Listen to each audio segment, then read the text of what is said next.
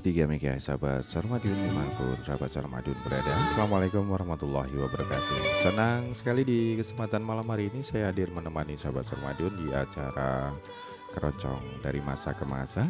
Dan seperti biasanya sahabat Sarmadiun tema malam hari ini saya akan bawakan sebuah tema Literasi TIK di sekolah dalam upaya mempertahankan ekosistem TIK yang aman, sehat, dan baik di lingkungan dunia pendidikan. Tentunya bersama sahabat-sahabat kita dari dan tergabung dalam komunitas relawan TIK dan mudah-mudahan juga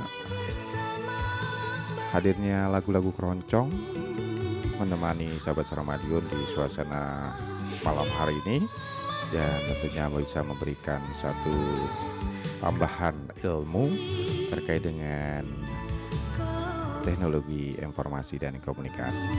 Oke.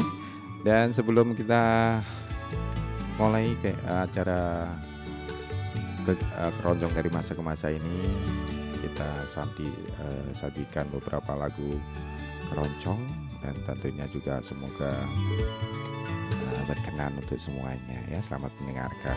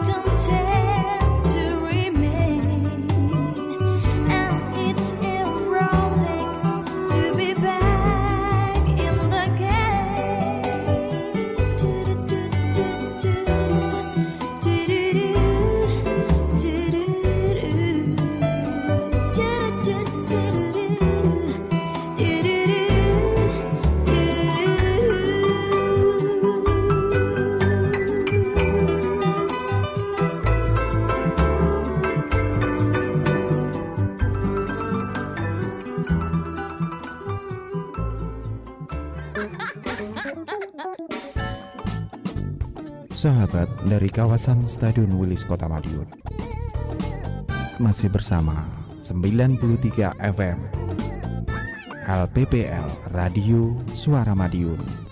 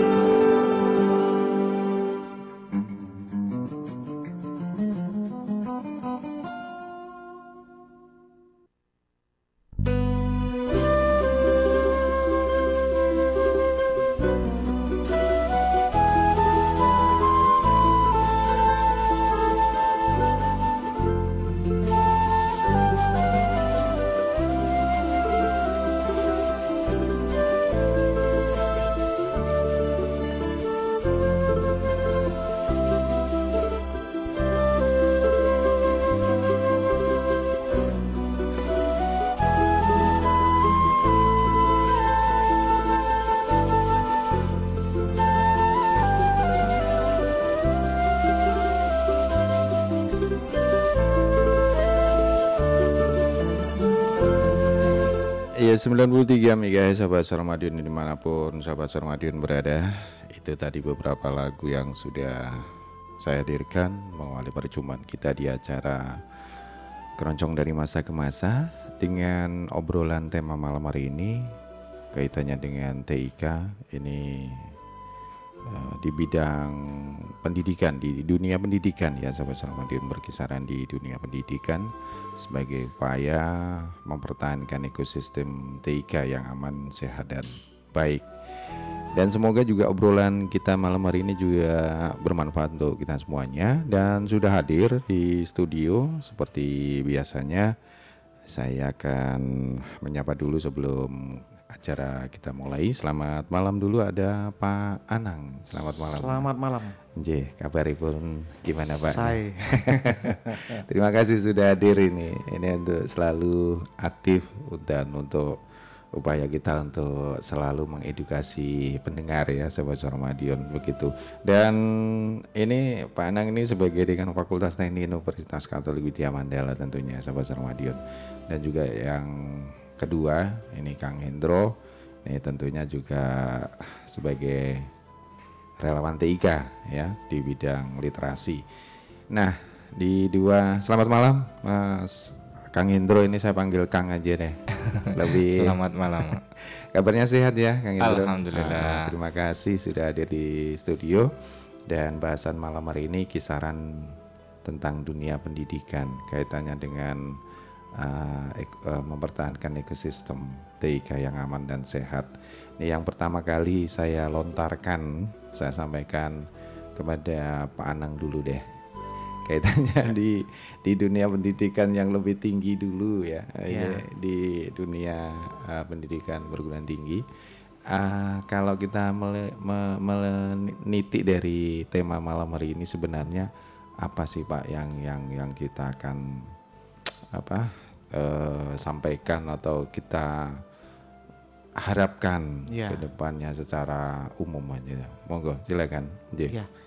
Eh, kita tahu di sekarang ini adalah masanya masa era revolusi industri Eh, revolusi industri. Hmm. 4.0 Hmm. Nah, di era ini memang dari pemerintah sendiri eh, sudah mempunyai roadmap program Hmm. Making Indonesia eh, 4.0 Hmm. ya. Eh, artinya kalau kalau kalau eh, kita juga harus siap sih menyongsong era itu sebenarnya sudah beberapa tahun yang lalu ini sebenarnya sudah sudah kita rasakan Hmm. Eh, mm, contoh yang sederhana saja contoh yang sederhana saja kita tidur itu lebih lebih sedikit daripada online Hmm. durasi kita tidur Mm-mm. lebih sedikit daripada durasi online itu berarti kita sudah terlibat dalam revolusi industri 4.0 Hmm. itu sudah sudah masuk gitu. Iya. Eh, lah ini kalau misalkan kita berada membicarakan dengan dunia pendidikan Oke. eh, terutama pendidik di kalangan pendidik dari Kemenristek sendiri juga menyarankan semua pendidik harus tetap lebih berinovasi dan kreatif Hmm. dalam menyampaikan eh, pelajaran atau menyampaikan materi-materi yang diajarkan di di tempat masing-masing. Jadi eh, sekarang bukan lagi eh, sebagai pendidik itu di kelas ya. Saya kira di kelas sudah sudah mulai harus kita tinggalkan. Hmm. Jadi sistem kelas itu sudah mulai kita tinggalkan. Eh sini sudah mulai arahnya adalah kita bagaimana mm, mengakomodasi dari murid mahasiswa kita. Hmm. Nah itu yang yang kita kita kita akomodasi sehingga sehingga kreativitas dosen, kreativitas guru itu akan muncul dan itu tetap harus di, di, di, di- dihidupi Hmm. sehingga tadi yang disampaikan eh, literasi digital itu tetap akan berjalan sampai apa namanya sampai ke tahap pendidikan yang tinggi Hmm. universitas dalam hal ini Iya, iya. Gitu. Jadi selama ini memang mengarah ke itu tadi ya, apa namanya program for apa tadi 4.0. kosong Ini artinya apa ini Pak Anang kalau bisa kita ulas kembali yang yang maksudnya dari 4.0 ini? Ya, memang eh, revolusi industri itu dari 1, 2, 3, 4 sampai saat ini ini termasuk revolusi industri yang keempat. Oh kok empat, sudah begitu. keempat ya. Begitu di apa diketemukannya internet itu sudah termasuk eh, era revolusi industri yang keempat. Hmm, Jadi sudah kita masuk keempat di ternyata. Ya. Jadi secara orang awam sendiri kita sendiri saya sendiri baru mendengar ini ya se- se- sebagai orang awam dan selalu mengikuti. Nah ini Pak Anang kaitannya dengan apa eh, dari dari sisi teman-teman mahasiswa adakah semacam program dukungan dari ini Pak 4.0 ini yang yang selalu diikuti terus oleh anu. Ya memang kalau kalau masalah eh, kurikulum Hmm. itu memang sekali lagi itu dari program program studi masing-masing itu memang harus eh, lebih kreatif lagi tadi itu tadi. Jadi tidak hanya sekedar kurikulum yang yang yang muatan muatan wajib tapi muatan lokal yang sifatnya adalah mendukung eh, mendukung ini tadi perubahan zaman tadi itu. Jadi eh, misalkan ya kalau di sekolah mesti ada kurikulum ekstrakurikuler Iya. Nah itu muatannya kan muatan lokal biasanya. Hmm. Yang muatan lokal di situ le- memang sebaiknya sih harus ada eh, TIK. Hmm. Jadi harus ada memang dari awal sejak dini sejak SD memang harus di, di- Dikawal terus dikawal lah ya. terus sampai perguruan tinggi sehingga nanti eh, tujuan tujuan tujuan dari revolusi industri yang dicanangkan pemerintah itu tercapai. Jadi satu lagi eh, tahun 2020 itu kan diharapkan muncul satu juta startup Indonesia. Oh, Nah, bagaimana ke kita iya. kalau bagaimana kita bisa mencapai di sana kalau tidak didukung SDM yang kuat? Betul sekali. Kita bayangkan sebagai seorang awam, awam dari teknologi sendiri. Aduh, bagaimana ini 10 tahun ke depan Indonesia ini bawa ke mana? Gitu kadang-kadang menjadi dilematik untuk eh, apa ya usia-usia yang sudah eh, di era 50 ya seperti itu. Apakah kita nanti anak-anak atau cucu-cucu kita ini nanti seperti apa? Bahkan sekarang kalau kita lihat secara realita di lapangan ini anak SD, ah, anak umur 2 tahun sudah pegang gadget. Ini yang sering kita edukasikan. Ini kembali ke program 8 titik 9 eh delap- 20 titik berapa? 21 ya kemarin. 8 eh nek, 18 ya. 18 21 ya kalau nggak salah. Itu kita harapkan memang peran orang tua kepada apa untuk mematikan eh, paling tidak HP ini sudah bisa terrealisasi untuk mengoptimalkan apa namanya hubungan silaturahmi antara keluarga seperti itu. Kadang-kadang itu itu ya Pak Anang ya. Kalau boleh kita tambahkan Eh, itu kan ya. bentuk-bentuk kreatif toh. J J Jadi eh, jam sekian sampai sekian harus di dimatikan. Iya, ini memang sangat saya kira sangat perlu dukungan kita semuanya. Yang itu juga dari apa program acara yang kita bawakan saat ini memang tidak jenuh-jenuhnya Iya. mengulas ya supaya kita sebagai orang tua ini tidak jenuh-jenuhnya untuk mengikuti perkembangan dari teknologi informasi itu sendiri. Nah, terima kasih Pak Anang untuk sementara ini gambaran yang tadi disampaikan terkait program pemerintah dari 4.0 ini revolusi industri. Nah, ini balik ke Mas Hendro atau Kang Hendro.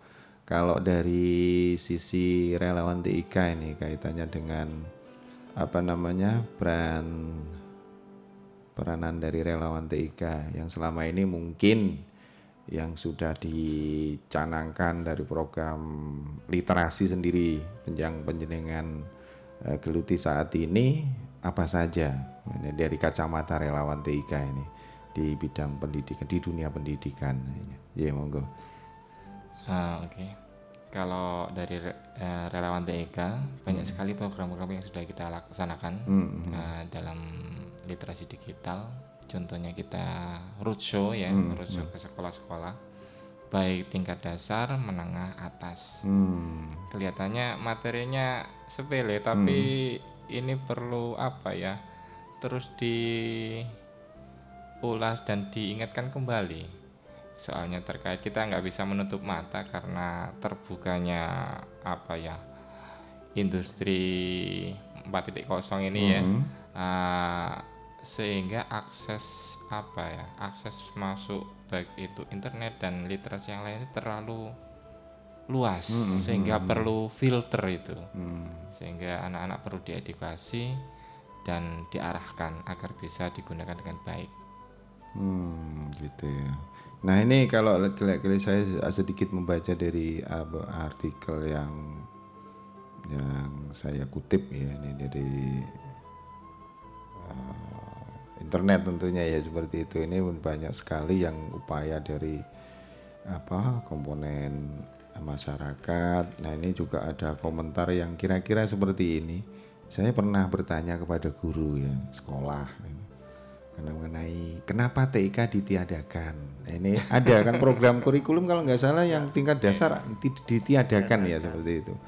Nah jawabnya karena anak zaman sekarang lebih pinter komputer dari gurunya. Ini kalau menyikapi ini ini hanya celoteh dari apa uh, beberapa tanggapan dari yang sudah bisa saya cuplik dan ini menjadikan satu renungan buat kita ya. Ini ini kalau menyikapi ini seperti ini gimana ini Pak Anang ya, yang tidak kan, yang juga tersambung di ya, tema beda, malam beda zaman itu ya. ya menyikapi ini bagaimana ya. dari ya. sisi ya. Ya memang harus tadi kembali oh. lagi harus harus harus kreatif dan inovasi. Hmm. Hmm. Jadi tidak harus berani eh, ini harus berani uh, keluar dari zona nyaman. Hmm. Bagaimanapun juga kita harus ya tadi mereka itu sudah sudah lebih lebih pandai hmm. daripada kita sebagai hmm. pendidik. Hmm. Tapi bagaimanapun juga kita harus mengikuti apa kemauan mereka. Tapi dengan aturan-aturan yang kita tahu bahwa kita etika dan sebagainya kan kita lebih lebih tahu daripada mereka. Hmm. Sebatas mana salah benar itu kan kita yang tahu tapi mereka kan hmm, kan mungkin belum iya, cuman sebagai... mereka begitu dikasih hmm. aplikasi mereka cepet banget kita ketinggalan hmm. Beberapa langkah kita ketinggalan. Tapi itu cepet banget mereka kan nah, itu iya, generasi betul, emang generasi beda-beda generasi. Iya, iya iya iya iya. Jadi seperti itu ya Pak Anang ya. Nah, kalau dari kacamata relawan ikan nih menyikapi apa komentar yang seperti ini gimana? Saya sangat-sangat menggelitik sekali itu. Monggo. Iya, memang betul tadi kata Pak Anang. Uh, kita memang beda generasi ya. Hmm. Uh, memang betul kalau misalnya di sekolah itu kebanyakan memang mungkin sebagian hmm. guru tertinggal hmm. daripada apa belajarnya lebih cepat anak-anak daripada hmm. guru. Hmm. Tapi uh, pengalaman mungkin pengalaman yang lebih apa ya lebih banyak itu yang hmm. didapat ya oleh guru. Jadi uh, intinya apa uh, dari pengalaman tersebut guru bisa mendampingi atau ngasih motivasi masukan dan lain-lain yang sekiranya itu apa nggak bisa digunakan atau melenceng terlalu jauh hmm. nah, intinya apa yang dampaknya terlalu negatif hmm. bisa terfilter dengan baik nah gitu begitu ya uh, mahasiswa sendiri juga anu nah, ya apa namanya ya eh, pengalaman ya. Oh iya. Ma- Kalau kita menggunakan metode ceramah di Hmm, kelas itu ya, eh, 10 menit pertama itu Bisa fokus bisa ya. fokus. Tapi setelah itu tidak fokus mereka. Iya. Nah, itu iya, kalau iya. misalkan berarti kan artinya apa? Artinya emang kita harus lebih lebih mempunyai inovasi kreatif untuk mengajarkan mereka. Jadi Hmm. nah, biasanya kalau kalau saya pribadi sih kalau sudah seperti itu saya langsung mengarahkan ke tugas di internet, Hmm. cari artikel, cari jurnal itu Gitu mereka ya. lebih cepat. Hmm. Kemudian kita diskusi bareng, nah itu lebih Iya. mereka lebih menantang Oh. daripada cuman di depan kelas mendengarkan kat ya mungkin membosankan ya istilahnya seperti itu ya. istilah mereka. J, terima kasih. Sementara itu dulu eh, mengawali tema malam hari ini dan tentunya sahabat Sarmadin saya persilakan untuk bisa sharing di sini di 461817 melalui WhatsApp monggo juga melalui telepon di 461817. Nampaknya sudah ada yang tersambung di via telepon. Selamat malam. Halo. Malam, keroncong dari masa ke masa. Iya. Assalamualaikum, Mas Anang sama Mas Indra ya. Iya, Mas Hendro. Selamat eh, Mas malam. Indra. Iya, Kang Tapi kan tulisannya Ini orang Jawa teles katanya. oh gitu. Teles apa teles? iya, kabar sehat. Nggih, alhamdulillah sehat. Nggih. Alhamdulillah. Wah, kayak kayaknya kalau ada apa ya? Ada tema-tema seperti ini, kayak aku yang mikir gak tekan ya. Oh, enggak masalah yang penting eh, semampunya Iya, gitu. Saya iya. sendiri juga begitu loh. Iya, iya, Mm, kok. jangan Ya dikira Allah. saya menguasai. Nanti anak-anak kita, eh anak cucu kita Iya. itu nanti ke mana akan akan akan dibawa kan gitu Iya, ya. betul. Ya Allah, inilah subhanallah Mm-mm. begitu canggihnya uh, Hmm, teknologi ya. teknologi saat ini ya. Itu pun juga uh, tidak terlepas dari pengawasan orang tua ya Mas itu ya. Ya mudah-mudahan lah nanti ke depan anak-anak semakin kreatif, guru, uh, terutama gurunya juga Mm-mm. dan uh, juga bisa uh, mengantisipasi hal-hal yang uh, tidak diinginkan atau hal-hal yang negatif gitu, Gitu. loh Mas Edo ya. Mm-mm. Mm-mm. Makanya inilah apa ya uh, kata saya Aduh, terputus. Ya, monggo silakan kalau ingin tersambung kembali untuk Mbak Wulan ini, Pak Anang dan Kang Hendro. Untuk tadi juga sudah disampaikan. Mungkin ini selamat malam, halo. J, selamat malam. Halo. Oh, mana tadi? Us. Terlepas, J. Mohon maaf. Selamat malam. iya tak sambung lagi. Mhm. Tadi itu mungkin saya Mas Edo, enggak, Hmm. enggak dengar suaranya. Ya itu makanya eh, apa ya tidak tidak lepas semua itu tidak lepas dari pengawasan orang tua. Eh, ya kecuali orang tua yang sangat awam itu nanti gimana itu cara menga- mengantisipasi orang tua yang eh, yang awam yang tidak tahu apa-apa seperti saya ini ya. Eh, iya betul sekali. Ya saya juga lah. ya itu bagaimana itu ya, Hmm. cara mengantisipasinya supaya anak-anak itu ya selamat dari eh, ancaman-ancaman yang tidak diinginkan ya. Memang apa ya eh, dari segi pelajaran dari segi apa pun juga banyak negatif eh banyak positifnya tapi juga ada negatifnya kan gitu. Mhm. Nah, cara mengi- eh, cara mengantisipasi orang tua yang sangat awam itulah. Mhm. Itu yang saya tanyakan Mas Anam sama Mas Endro gitu ya. Mhm. Nah, itu aja Mas Edo. Ya. Lagunya tolong tolong ya Mas Edo Monggo. kalau ada diputarkan pejuang sejati gitu ya. Oke, ditunggu. Itu kayaknya cocok banget dengan Siap. tema karena memang harus pejuang. pejuang. Betul, betul. Anak-anak ini kan merupakan pejuang penerus kan gitu ya. iya, Jadi harus hati-hati. Kita aja Mas Edo, makasih Sama-sama, waktunya. terima kasih. Assalamualaikum warahmatullahi wabarakatuh. Iya, Waalaikumsalam warahmatullahi wabarakatuh. Terima kasih untuk Mbak Wulan yang ada di seputaran TN ini sebagai informasi ini Pak Anang juga Kang Hendro. Yang disampaikan tadi memang dilema ya atau fenomena yang sekarang saat ini semakin hari dan juga semakin bertambah adanya inovasi-inovasi kreatif di bidang TIK ini tentunya kalau ini tidak sejalan dengan upaya kita yang terus menerus narik edukasi melalui siaran, melalui media sosial dan sebagainya. Waduh, luar biasa ini tekanannya. Ya, kalau boleh saya persilakan dulu untuk penelpon berikutnya. Selamat malam. Selamat malam Mas Ji, Yudo. selamat malam juga. Selamat malam Mas Mas Ji. yang ada di studio Ya. narasumber. Mm-mm. Nah, ini temanya tentang pendidikan atau teknologi atau Eh, yang jelas ini kaitannya dengan mempertahankan ekosistem TIK yang aman, sehat, dan baik di lingkungan dunia pendidikan, Bapak. Berarti Nji. masalah pendidikan. Ya, pendidikan yang memanfaatkan teknologi Teknologi. informasi seperti itu, Om John. Mm-mm. Ya, ya. Mm-mm. Ini kalau menurut saya Mm-mm. tadi Mas Mas tadi menyebut sebagai revolusi Mm-mm. apa teknologi atau industri tadi. Industri.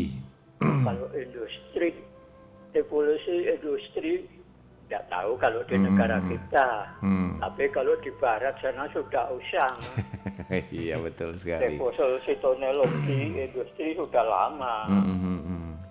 hanya saja kalau bangsa kita ingin uh, maju Mm-mm. cerdas ingin menjadi berkembang menjadi jaya Mm. pendidikannya itu uh, pendidikan yang up to date Mm-mm. itu ya kita buang sifat-sifat Mm-mm. atau pengertian yang fanatisme. Kalau kita memiliki sifat fanatisme, kesempurnaan, kemajuan itu terhambat, tertutup. Mm. Jadi kita harus terbuka, harus menjadi berusaha untuk menjadi semakin maju, semakin berusaha sempurna, berusaha untuk menjadi semakin ahli, cerdas, pintar. Kita harus menjadi yang moderat. Mm.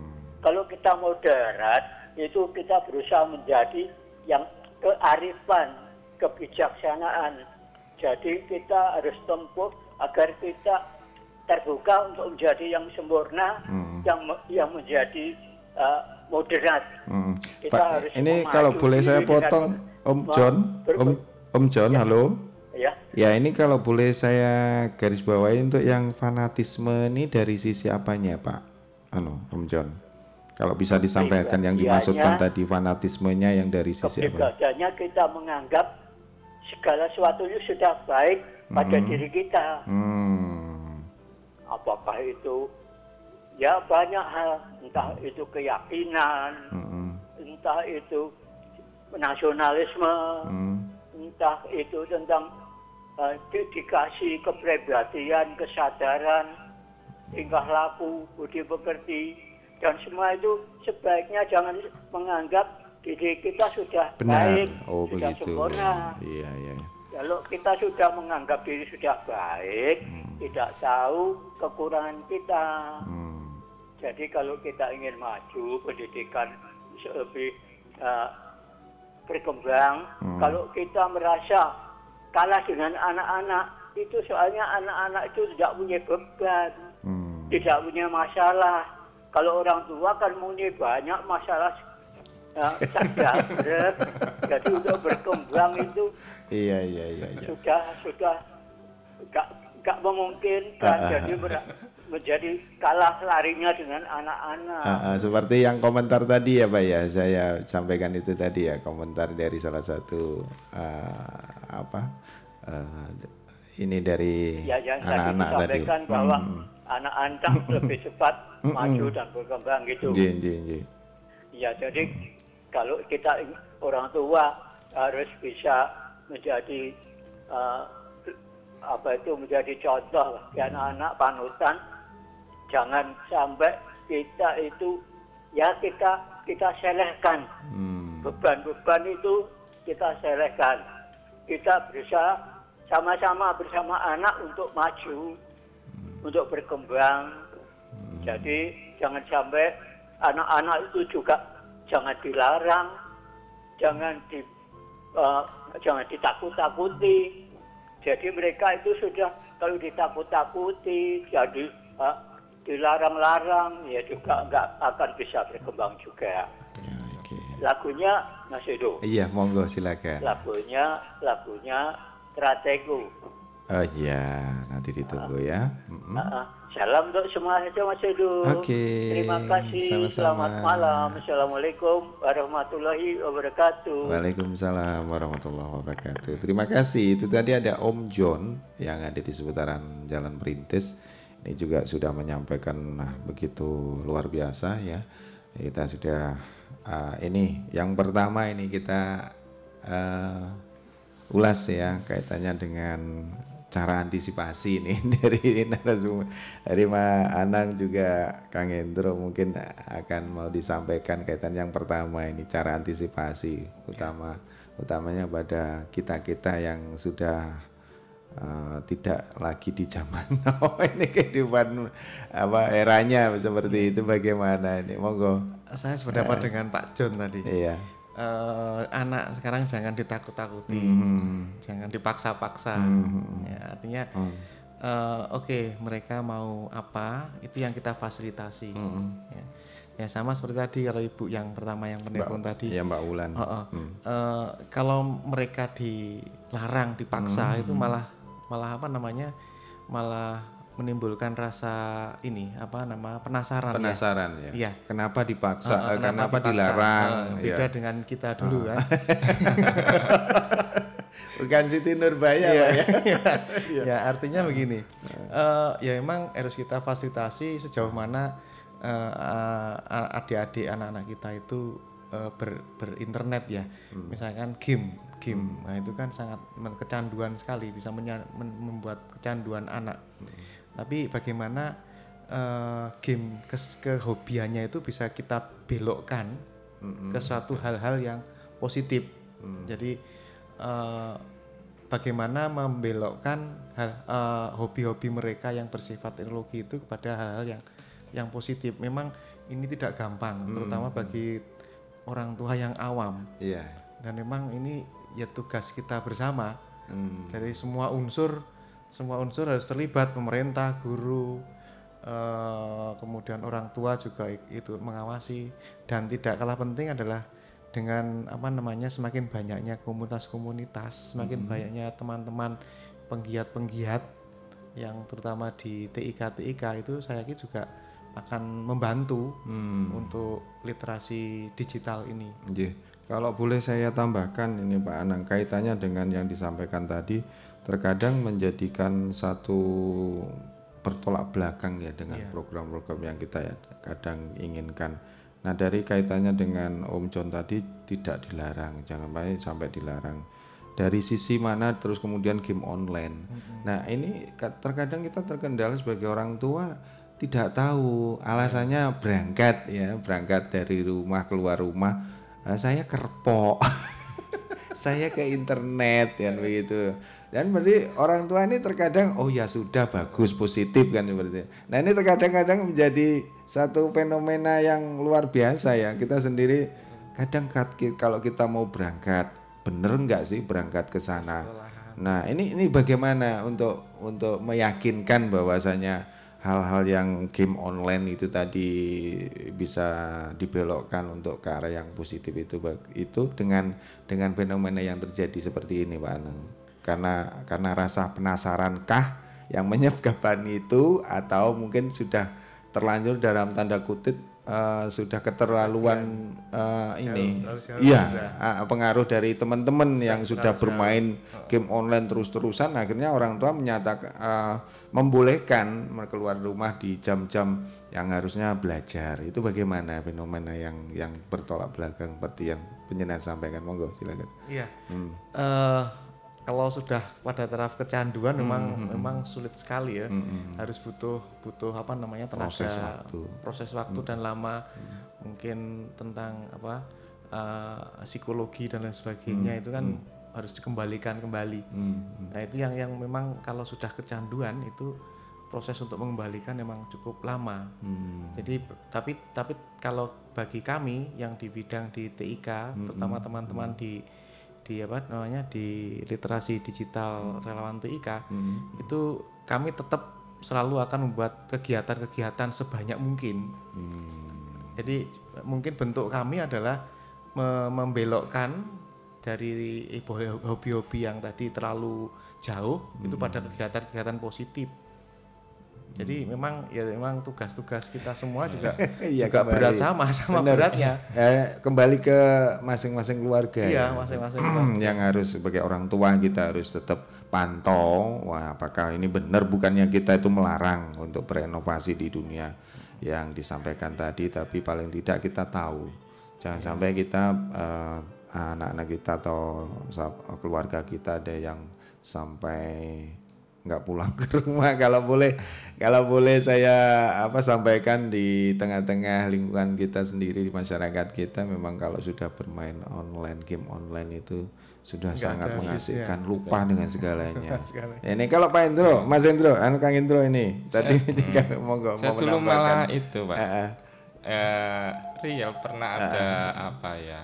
Sampai home visit segala terkait ada kecanduan anak eh, game online ini, Pak. Ber- beberapa kali sampai psikolog itu datang ke rumah. Ya kita datangkan memang karena gimana pun itu ya karena uh, pihak jawab. sekolah harus tanggung jawab itu ikut terlibat juga aktif uh, komunikasi dengan orang tua. Sampai akhirnya itu kita menemukan jalan pak. Hmm, jadi ada sisi lain dari anak itu punya hobi. Hmm, ya uh, meskipun oke dia lemah di pelajaran tapi mungkin ada satu hobi yang lain selain itu. Hmm. sehingga itu dikaitkan dengan kegiatan ekstra pak. Ternyata itu nyantol dan alhamdulillah sedikit demi sedikit itu berkurang. Oh begitu. itu jadi apa ya Belokkan kalau itu dari dalam sisi bahasa itu. Jawanya diselimurkan atau gimana? Tergantung kita caranya gimana. Oke oke. Baik kita beri kesempatan lagi untuk yang sudah terhubung. Oh, nggih. Monggo silakan. Untuk kembali mungkin agak sedikit terlalu lama saya. Monggo diulang kembali untuk yang sudah terhubung. Selamat malam. Halo, Nggih. selamat malam Nggih, selamat malam.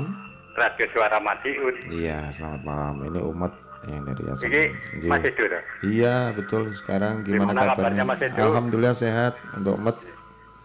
Ya, Mm-mm. selamat ya sehat selalu ya keluarga ya. Iya, iya, iya. Eh, di kota enggak padam Mas Edo. Enggak tuh. Kabupaten ini mati semua Iya, lampunya. mohon maaf ini ada perlu apa? ya?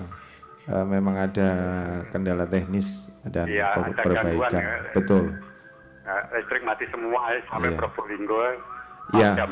Nah, kalau nggak salah di Python ini yang Ya dari Python itu ya. Nggih, nggih. Ah, mudah-mudahan cepat nang nyala lagi Mas Edo. Iya. Ah, ya. Mm-mm.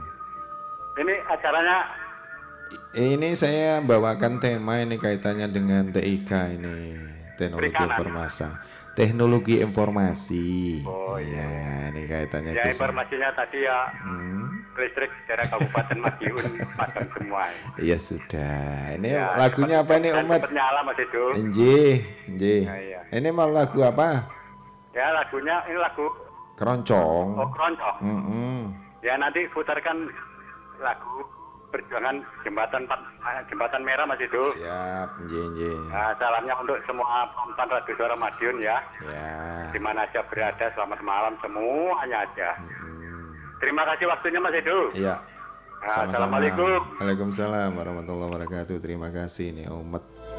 Nampaknya juga ini sebagai orang awam juga saya juga tidak menjudge dulu bahwasanya ini memang seperti ini fenomenanya. Kadang-kadang kita eh, terlupakan. Jadi untuk mengawasi dari keluarga atau dari anak kita, ada mungkin dari family yang ter, eh, sudah terlanjur seperti itu. Cara-caranya seperti itu ya tadi Kang Indra ya.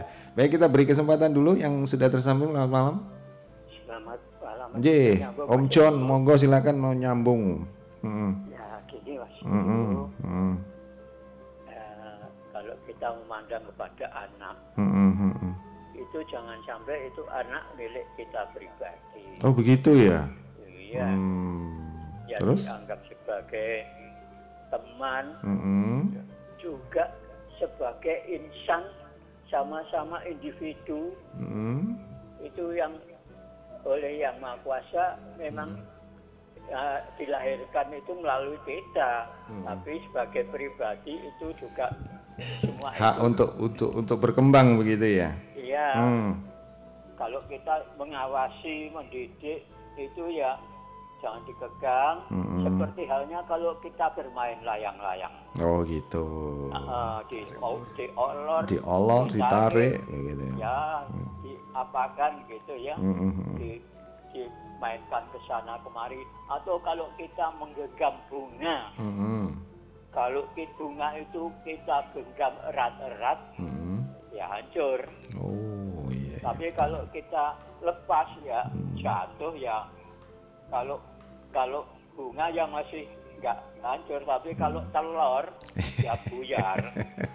betul betul. Iya. Iya, harus iya.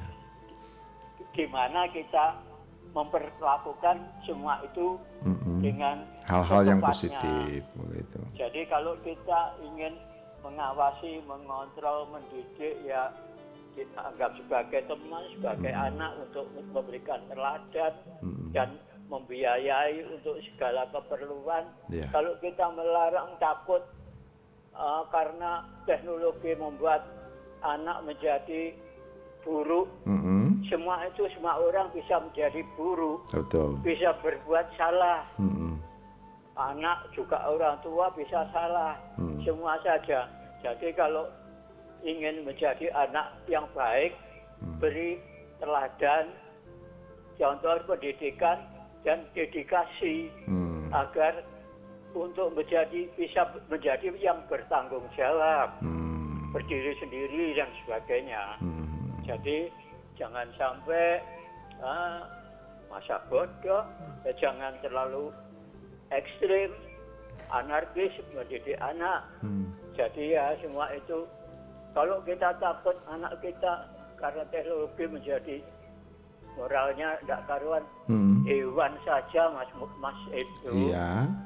Hewan itu nggak ada yang ngajari kan Mm. semua mengerti Hmm. oh barang itu enak Mm. berbuat begitu enak Hmm. siapa yang ngajari jadi kalau anak kecil tahu itu ya sudah jadi kodratnya Oh. Wong saya dulu belum sekolah saja Heeh.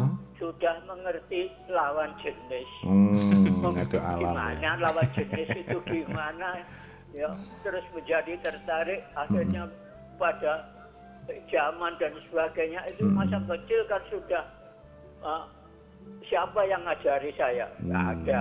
Ya. ya cuma dongeng-dongeng itu begini begitu.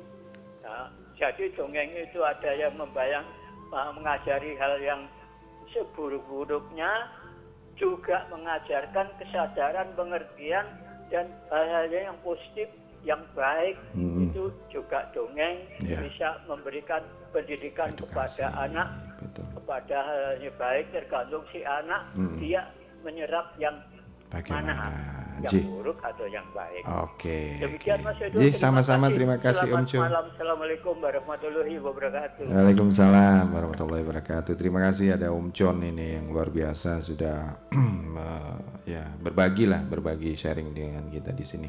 Nah itu tadi cara salah satu Kang Indro ya untuk yang ini studi kasus katakanlah seperti itu yang sudah ditangani Kang Indro. Mungkin dari ya bagaimana ini?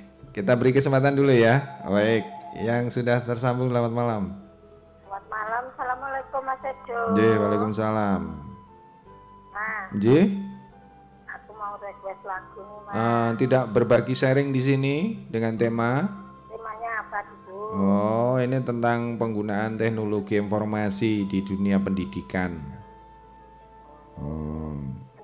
Apa dulu? Nah ya semua dunia pendidikan kan luas, Bu Kartina dibandingkan. Aku kan sekolahku cuma kelas 2 C. Oh gitu. Oh, dulu. Itu loh aku mau cerita dulu sedikit ya. Apa? Silakan, monggo. Kan aku kelas 1 dulu, terus naik kelas 2. Itu kan zamannya Gestapo dulu, aku kelas 2. Hmm. Nah, aku takut nggak sekolah lagi. Hmm, alasannya? ya ada pembunuh-pembunuhan Oh. banyak sekali di rumah saya bukan di rumah di desa saya jadi aku takut Oh jadi nggak sekolah lagi sampai sekarang? Terus trauma Oh, ada gitu orang ya. meninggal itu kan ada darahnya toh. Ah, jadi aku trauma sampai sekarang kalau melihat darah itu aku ngeri. Anda ini gini Bu Bu Kartina. iya. Kaitannya dengan apa perkembangan teknologi informasi. Sudah pen- sudah tahu kan kalau Bu Kartina ini di keluarganya mungkin di cucunya sudah pegang HP sudah internetan sudah me- melihat sana dan sini dengan asiknya main game online ini kalau dari pandangan Bu Kartina ini bagaimana gitu loh kalau untuk menunjang eh, pe- belajar. Hmm? Heeh, tapi kalau saya main game terus kalau Hmm.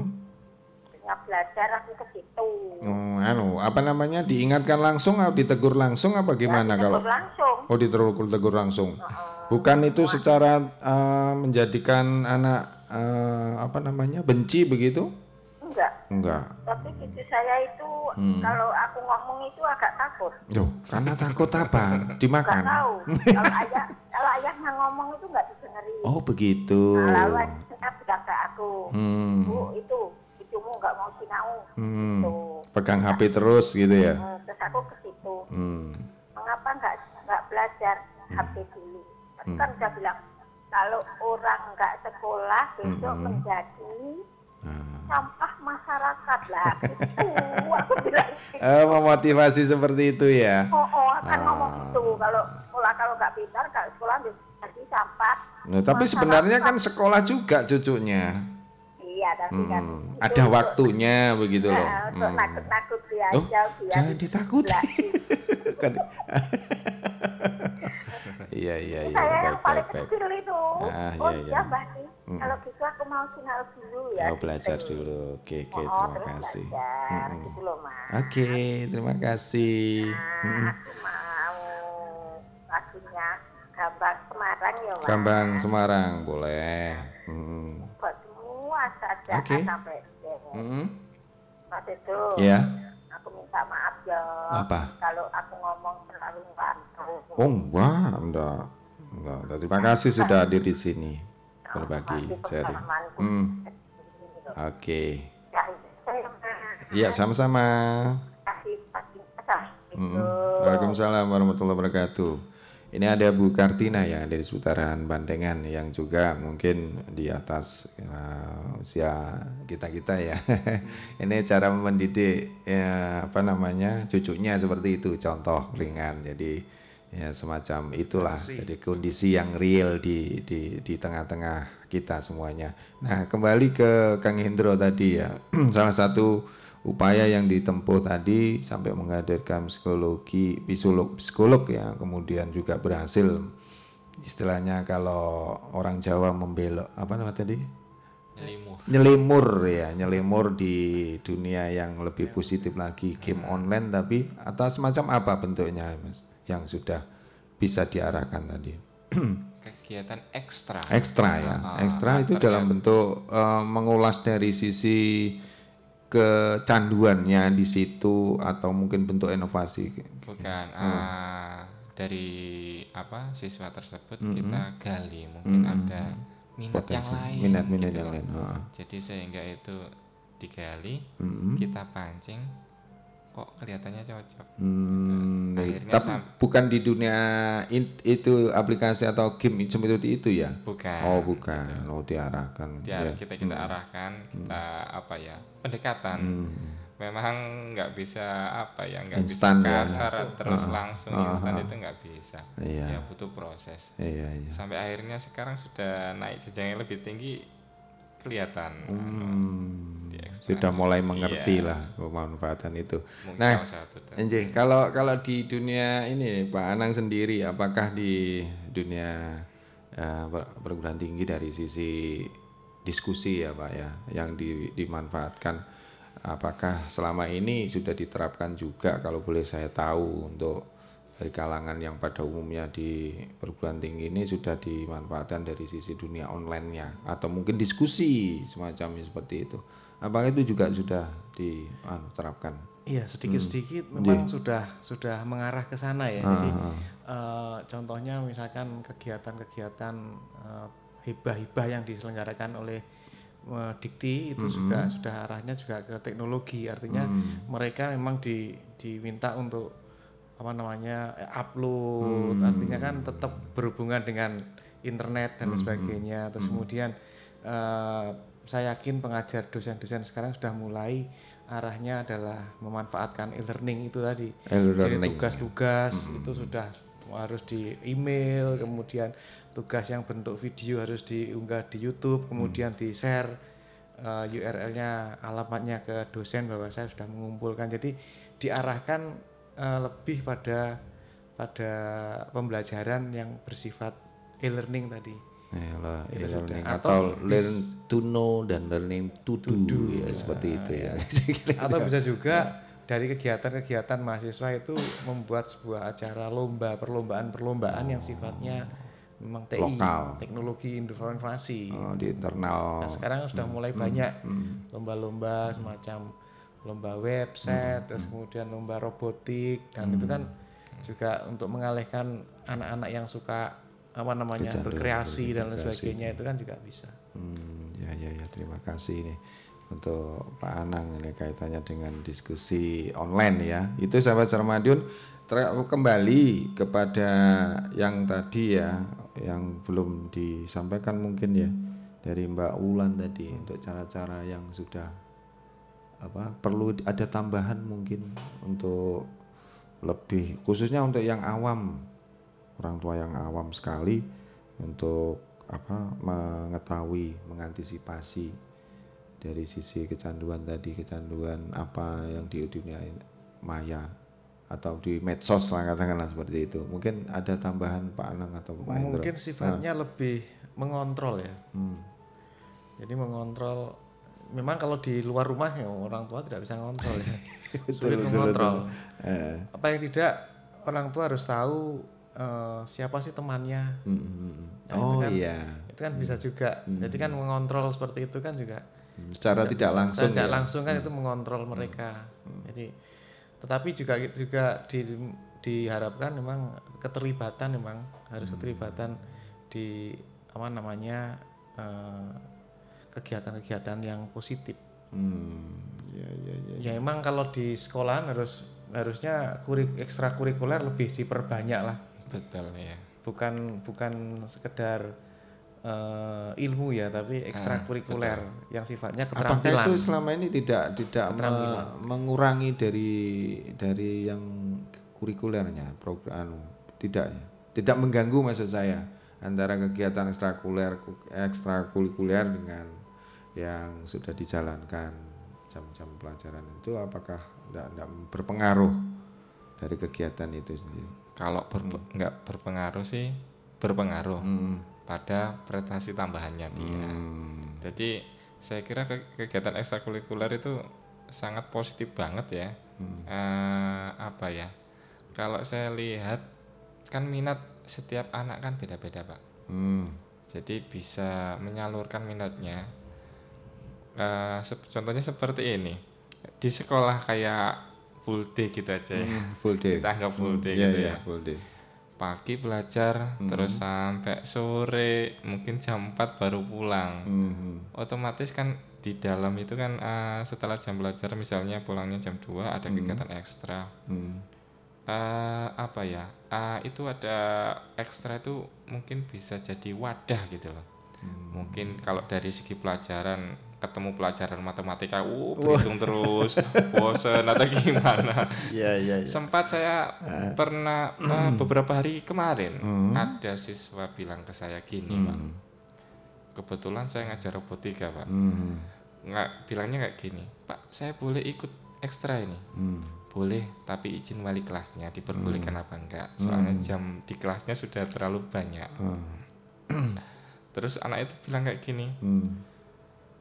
Oke pak saya lemah dari pelajaran siapa tahu saya bisa robotika bisa memajukan Indonesia Uh, Wah, saya langsung ya. kaget mendengar kata-kata itu dari Iya, iya. seorang siswa Ah, jadi kan ada apa ya dorongan dari apa ya siswa itu sendiri hmm. jadi kalau menurut saya semakin banyak apa jenis ekstra, semakin banyak pilihan yang kiranya anak itu pandang oh ini saya minat saya di sini.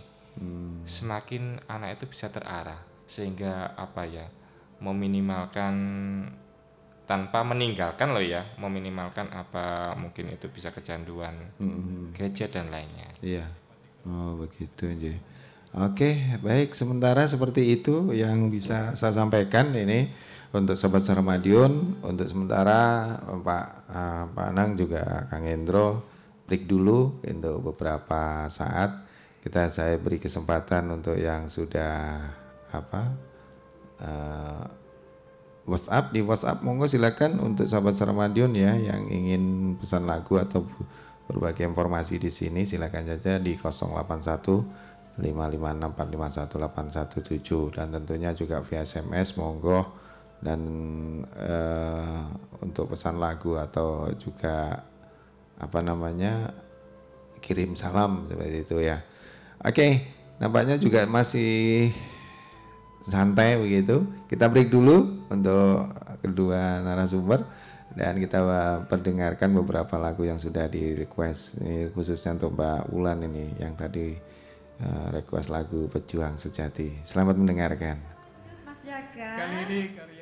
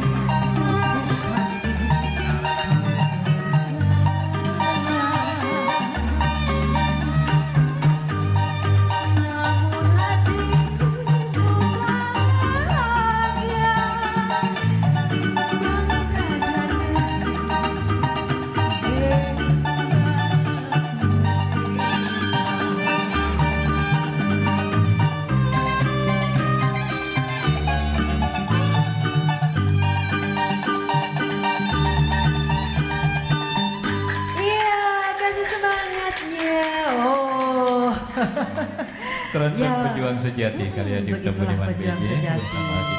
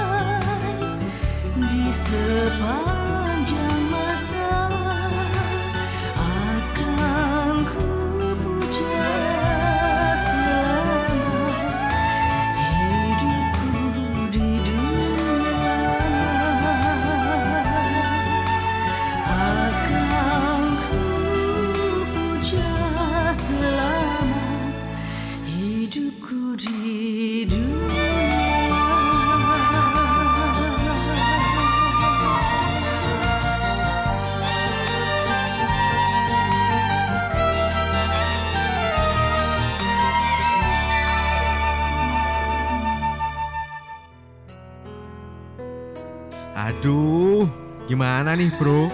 KTP ku belum elektronik dan juga udah mati setahun. Mau ngurus kebentur jadwal kerja, mana gak sempet ngurus lagi. Solusinya gimana ya? Aduh bro, makanya kamu yang up to date dong. Sekarang itu udah ada solusinya.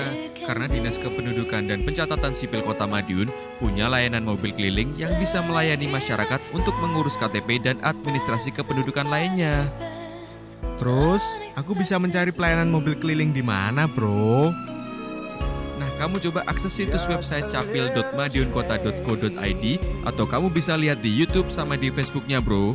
Di situ udah dipampangin jadwal serta tempat pelayanan di seluruh wilayah Kota Madiun yang meliputi tiga kecamatan dan 27 kelurahan di Kota Madiun.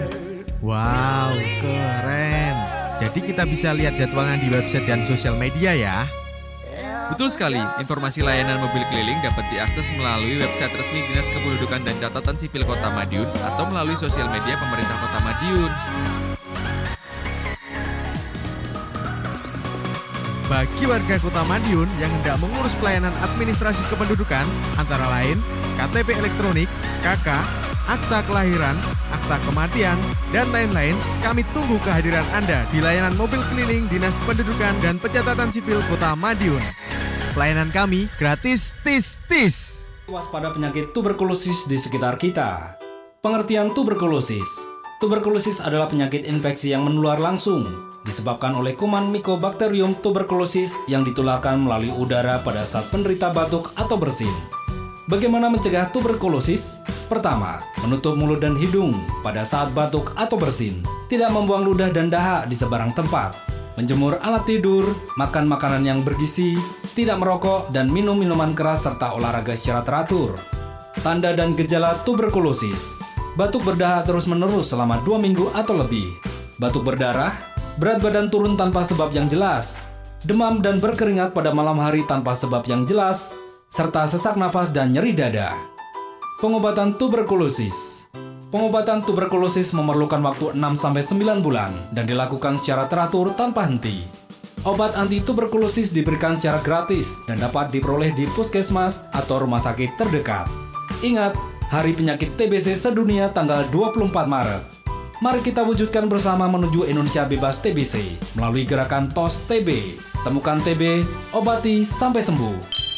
Iklan layanan masyarakat ini disampaikan oleh Dinas Kesehatan dan Keluarga Berencana Kota Madiun.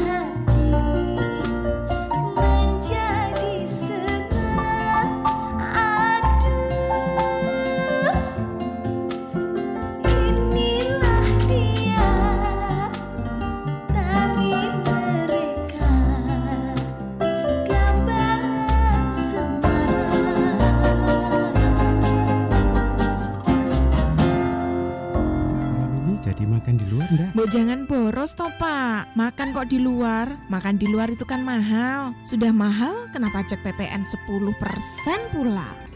Itu keliru Bu, pajak yang kita bayar itu bukan pajak pertambahan nilai ataupun PPN, tapi pajak restoran. PPN itu termasuk pajak pusat, sedangkan pajak restoran adalah pajak daerah yang dikelola oleh pemerintah kota ataupun kabupaten. Jadi, pajak restoran dikenakan terhadap pelayanan yang disediakan oleh restoran termasuk rumah makan, kafetaria, kantin, warung bar atau sejenisnya, dan jasa puga ataupun catering. Apa tarifnya juga 10%? Iya Bu, tarifnya 10% dari jumlah pembayaran atau yang seharusnya dibayar kepada restoran. Besaran nilainya bisa dilihat pada nota ataupun bill dari restoran. Kalau sudah begitu, ke mana kita harus membayarnya pak? Kita membayar makanan dan minuman dari restoran sudah termasuk pembayaran pajak restoran. Pajak restoran selaku wajib pajak nantinya juga akan melaporkan dan menyetorkan pajak kita melalui Dinas Pendapatan Daerah. Oh, paham aku sekarang pak Ayo Bu, keburu lapar. Ayo kita berangkat. Madiun terkenal pajale, ojo lali bayar pajeke.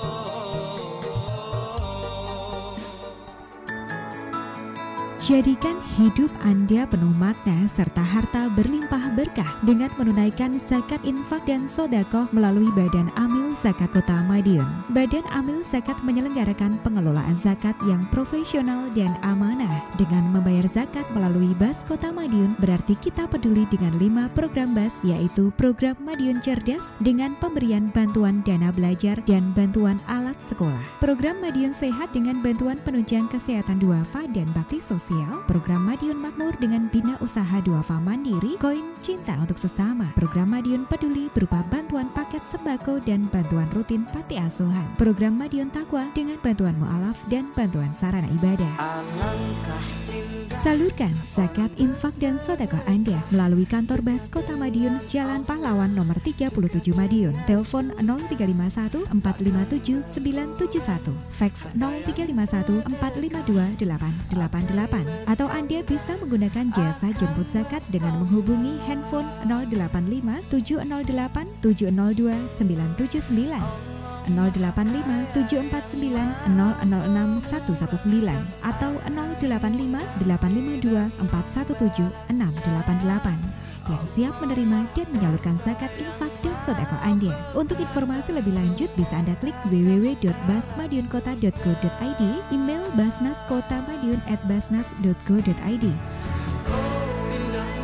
Badan Amil Zakat Kota Madiun menuju masyarakat Kota Madiun sadar zakat, infak, dan sodako dalam rangka meningkatkan kesejahteraan umat. 93 FM Suara Madiun.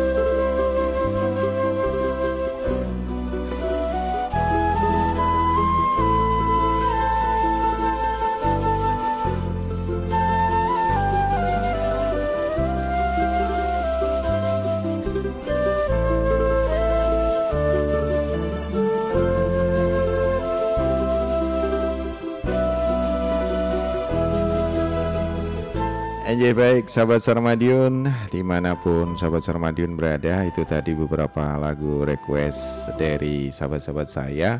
Silakan loh di 461817 via online juga Untuk apa namanya eh, Yang ingin sharing di melalui WhatsApp ya. Dan malam hari ini temanya terkait dengan penguatan ya atau mempertahankan ekosistem TIK yang aman, sehat dan baik di lingkungan dunia pendidikan. Tadi juga sudah dibahas oleh dua narasumber, ada Pak Anang selaku Dekan Fakultas Teknik Universitas Katolik Widya Mandala, juga ada Kang Hendro dari relawan TIK. Ini sebagai eh, bidang literasi relawan TIK.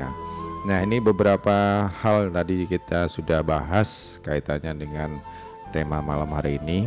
Dan kita berlanjut kembali untuk sesi yang kedua. Ya. Baik, sahabat Seramadion ini kepada Pak Anang ini.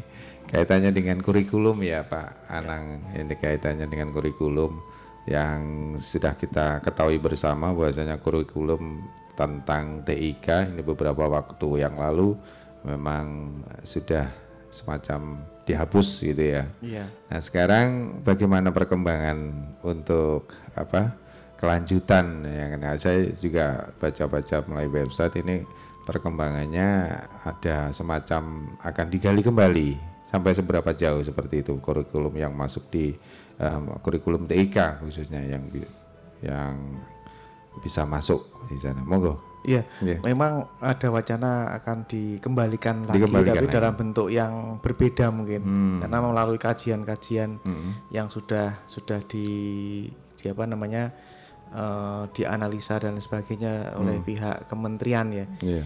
Eh, kalau saya melihat sih, memang eh, pondasi dari awal memang harus harus tujuan dari TIK sendiri harus tercapai. Hmm. Itu memang eh, ad- harus ada pondasi uh, mulai dari SD mah- bahkan mungkin PAUD Hmm. Iya. SD tingkat Sudah SD, diperkenalkan, sudah ya? diperkenalkan tapi dalam bentuk bentuk yang lain ya Hmm. dalam bentuk-bentuk mungkin kalau PAUD lebih ke edukasi pengenalan dan uh, game Hmm. game edukasi gitu kemudian yang di SD mungkin masih dalam taraf dia uh, menjalankan aplikasinya jadi pengenalan Sudah disediakan ya Oh, aplikasinya Sudah itu? ada kemungkinan ya cuman aplikasi menjalankan aplikasinya. Kemudian mungkin di tingkat SM LCTA itu lebih pada implementasi. Hmm. Implementasi aplikasi terus tingkat SMA itu sudah mengarah ke minat minat mereka nanti ke bidang TIK itu di mana. Sehingga pada tahap in- eh, universitas mereka sudah siap Artinya siap itu sudah ada bidang-bidang yang mewadai mereka. Apakah mereka senang di jaringan, Mhm. jaringan komputer yang berhubungan dengan networking. Iya. Kemudian apakah mereka eh, berminat di bidang misalkan Programmer, database, database, programmer, iya. ataukah mereka berminat di bidang eh, robotika misalkan. Mhm.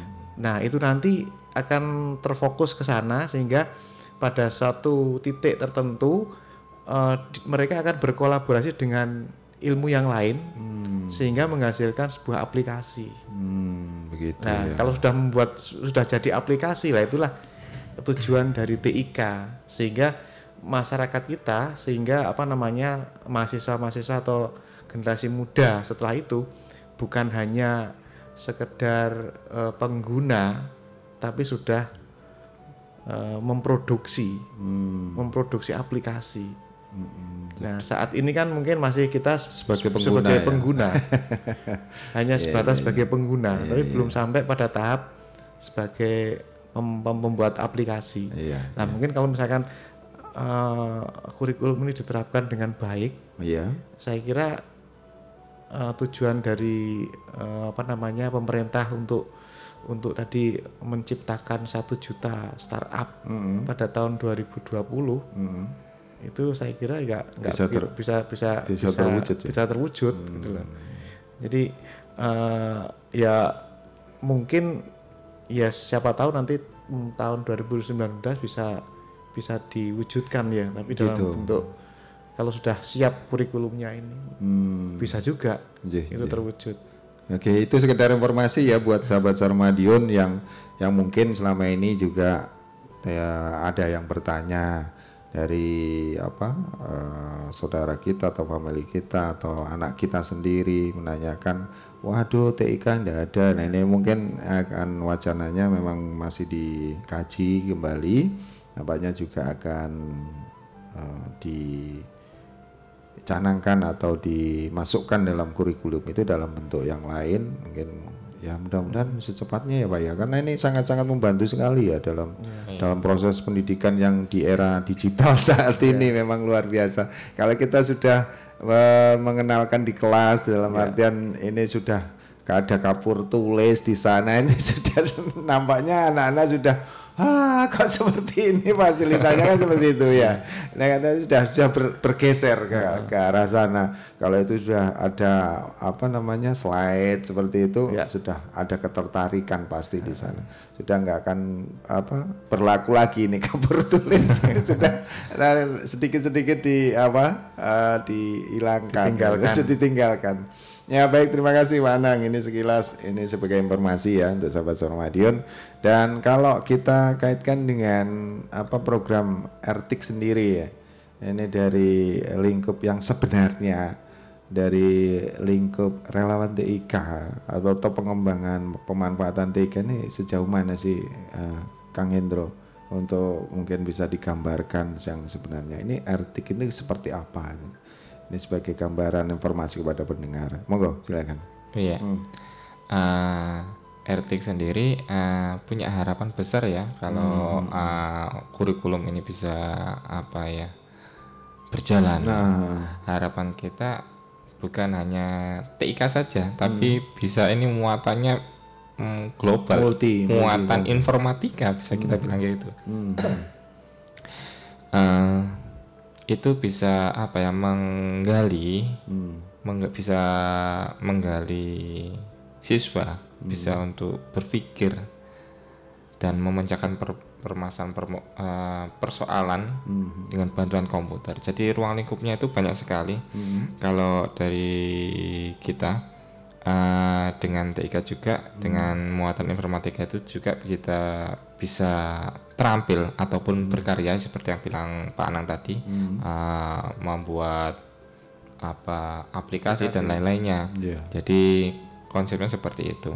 Bisa juga eh, eh, pengetahuan. Hmm. Contoh kalau pengetahuan ini kan luas ya. Hmm. Mungkin nanti kalau eh, siswa tersebut nantinya bisa jadi pengajar atau Hmm. ini kan konsep pengetahuan ya. Hmm. Bisa nanti pengetahuan tentang TI, jaringan, terus dan lain sebagainya. Yang terakhir itu karakter. Karakter. Bisa membangun karakter ya. Hmm. Di da- dalam mendayagunakan teknologi untuk menunjang berkomunikasi maupun menunjang kehidupan sehari-hari. Hmm. Tapi padahal sebenarnya kalau kita lihat di realita ya, sekarang ber- berbicara di realita yang semuanya membentuk karakter itu sendiri. Terkadang kita justru justru bertolak belakang, Kang Indro dari karakter itu sendiri. Eh, kadang kita eh, mereka eh, sudah sudah kenal banget ya, udah lebih tahu tentang teknologi. Tapi pada proses di keluarga terkadang kita sendiri justru apa namanya ada benturan di sana. Seolah-olah eh, sikap atau eh, dari sifat eh, anak ini merasa dirinya wah ini Lebih- paling lebih mengerti paling. dari orang tuanya. Ini bagaimana fenomena yang yang yang disampaikan tadi ada membentuk karakter itu sendiri. Oke, Kang Hendro mungkin bisa Ini ya, bisa sharing bareng-bareng monggo silakan. Ya kalau kalau dari segi misalnya saya sang pengajar ya, Hmm. eh, jadi kita ti- eh, harus bisa memahami pemanfaat TK itu juga dari segi dampak sosialnya. Hmm. Ya. Kita sampaikan ya kepada Ah. siswa juga ya. Ah, Hmm. Jadi nggak hanya ya sesuai dengan realita yang ada. Hmm. Jadi nggak boleh seolah-olah ah eh, ibu nggak ngerti kan yang terjadi. Ah apa sih mainan apa ya? Ini saya juga anu lagi ngerjakan PR katanya dari dari tugas dari guru dan sebagainya padahal yang Padahal kita sendiri sebagai orang tua sebenarnya ingin ya, ingin tahu. Mungkin ada anu ya, Oh, pelajaran oh. etika ya, Iya. etika, etika berinternet. Nah itu pak itu perlu disampaikan juga ya Kang Kang Indro selama ini Iya. yang yang yang Iya. sudah sudah di diterapkan mungkin selama ini juga dikenalkan ya mungkin seperti itu kan kepada Betul. Ah. ah. Eh, etika ya juga penting banget Ah, ya, betul iya. kata Pak Lanang, etika. Nggak hanya etika dalam ber apa ya bermedia sosial atau interaksi di yang lainnya Ah. dengan penggunaan etika, tapi etika sama apa ya eh, Hubungan, hubungan, hubungan iya. antara Sel- orang tua bukan hanya itu aja, tapi semua etika harus kita jaga juga. Hmm. Jadi apa ya seimbang Hmm. antara kita beretika dalam dunia TIK Hmm. dan etika dalam kehidupan kita sehari-hari.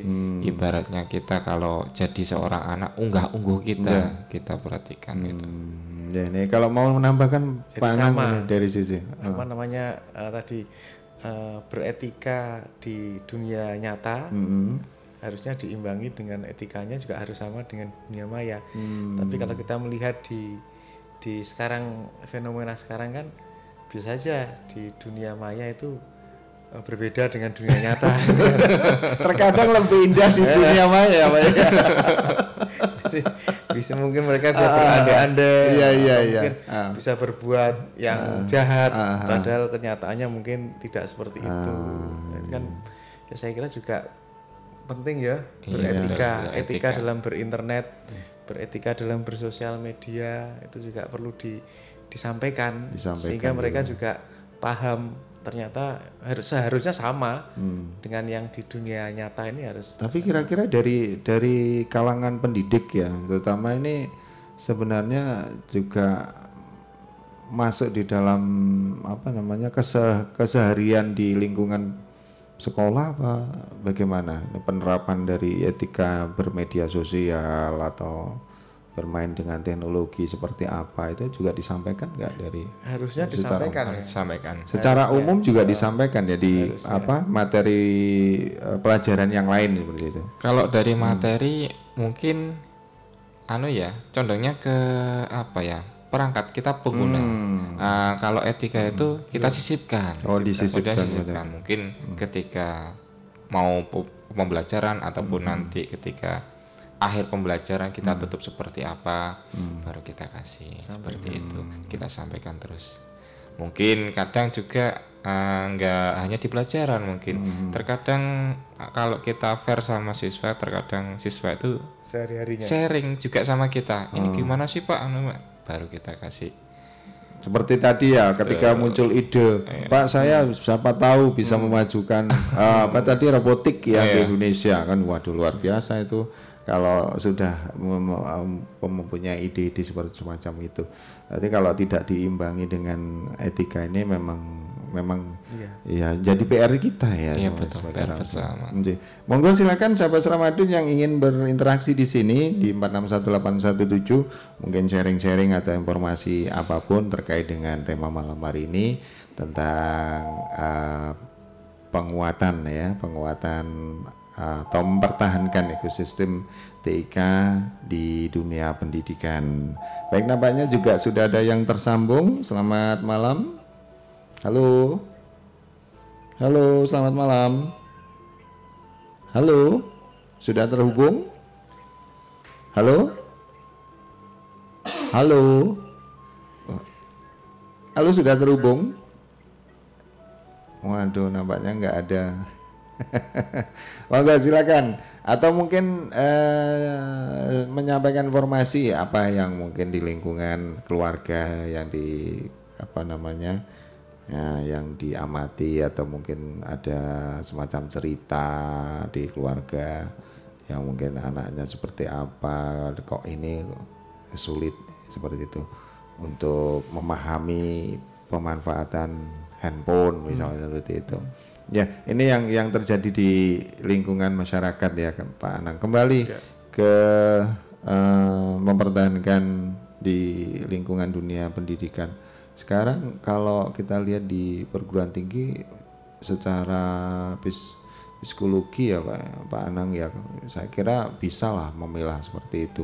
Nah untuk memperkuat kembali kaitannya dengan karakter yang disampaikan atau etika yang memperkuat dari yang kita bahas tadi di di dunia perguruan tinggi ini apa yang disentuh untuk lebih memperkuat dari sisi etika atau eh, karakter dari masing-masing monggo. Ya. Hmm. Eh, tadi saya sampaikan sekarang perguruan tinggi lebih arahnya ke sudah sampai ke e-learning ya. E-learning. Jadi Hmm. membuat mereka lebih sibuk di internet itu hanya untuk pendidikan. Jadi Hmm. bayangkan saja kalau misalkan satu satu satu semester itu ada sembilan mata kuliah, kemudian Hmm. masing-masing ku- masing-masing dosen itu setiap pertemuan ada tugas, tugas yang berhubungan dengan internet, Iya, kemudian iya. harus eh, misalkan apa namanya berinteraksi dengan dosen, Hmm. terus kemudian mencari literatur, jurnal dan sebagainya, saya yakin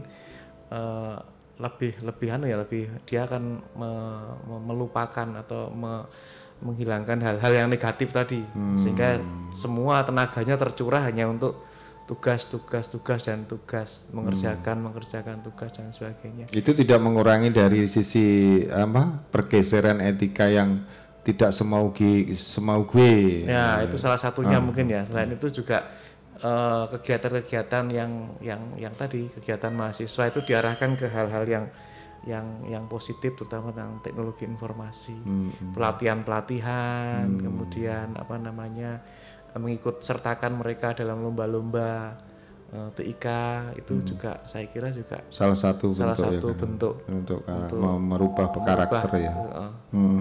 Baik, yang sudah tersambung di 461817. Selamat malam. Selamat malam Mas Edo, saya nyambung Mas Edo. Monggo silakan Om John. Ya, ini namanya. Gini, Iya. ini, eh, gi- begini Mas Edo, ah, kita semua Iya. harus untuk menjadi yang menjadi cerdas, Iya. menjadi ngerti, ah. menjadi sempurna, Iya.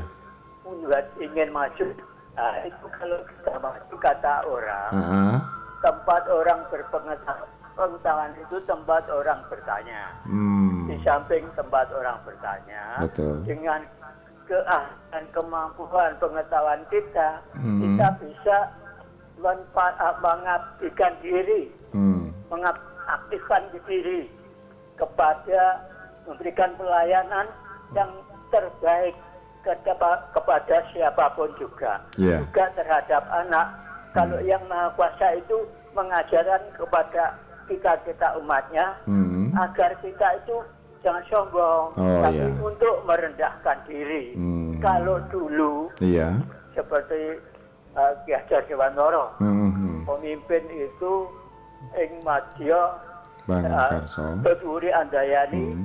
ing madya Mangunkarsa, ing ngarsa sung tulodo. Hmm. Tapi kalau yang Maha Kuasa itu menghe- menghendaki kita semua umatnya menjadi ngerti, pintar, cerdas, berkeahlian, berkemampuan dan yang bisa merendahkan diri sehingga bisa membawa anak dan sesama kita yang membutuhkan untuk dibawa ke arah kebaikan dan kemajuan. Demikian Mas Ido, selamat malam, terima kasih. Ya, terima Assalamualaikum kasih. warahmatullahi wabarakatuh. Waalaikumsalam. Waduh, terima kasih. Ini masukan ya untuk kita semuanya. Monggo Pak Anang mau diulas atau mungkin ada tanggapan kaitannya dengan apa yang disampaikan oleh Om John tadi. Iya. Ya. Eh, memang eh, apa namanya eh, kita sebagai pendidik pengajar Hmm. itu kan juga eh, salah satu tugasnya eh, bagaimana mereka eh, memperoleh ilmu-ilmu yang yang yang positif. Hmm, hmm. Kemudian kita juga harus eh, menfilter mereka dari hal-hal yang negatif. Eh, saya tertarik apa yang disampaikan Pak John bahwa berikan ilmu Hmm. kepada mereka sebanyak-banyaknya.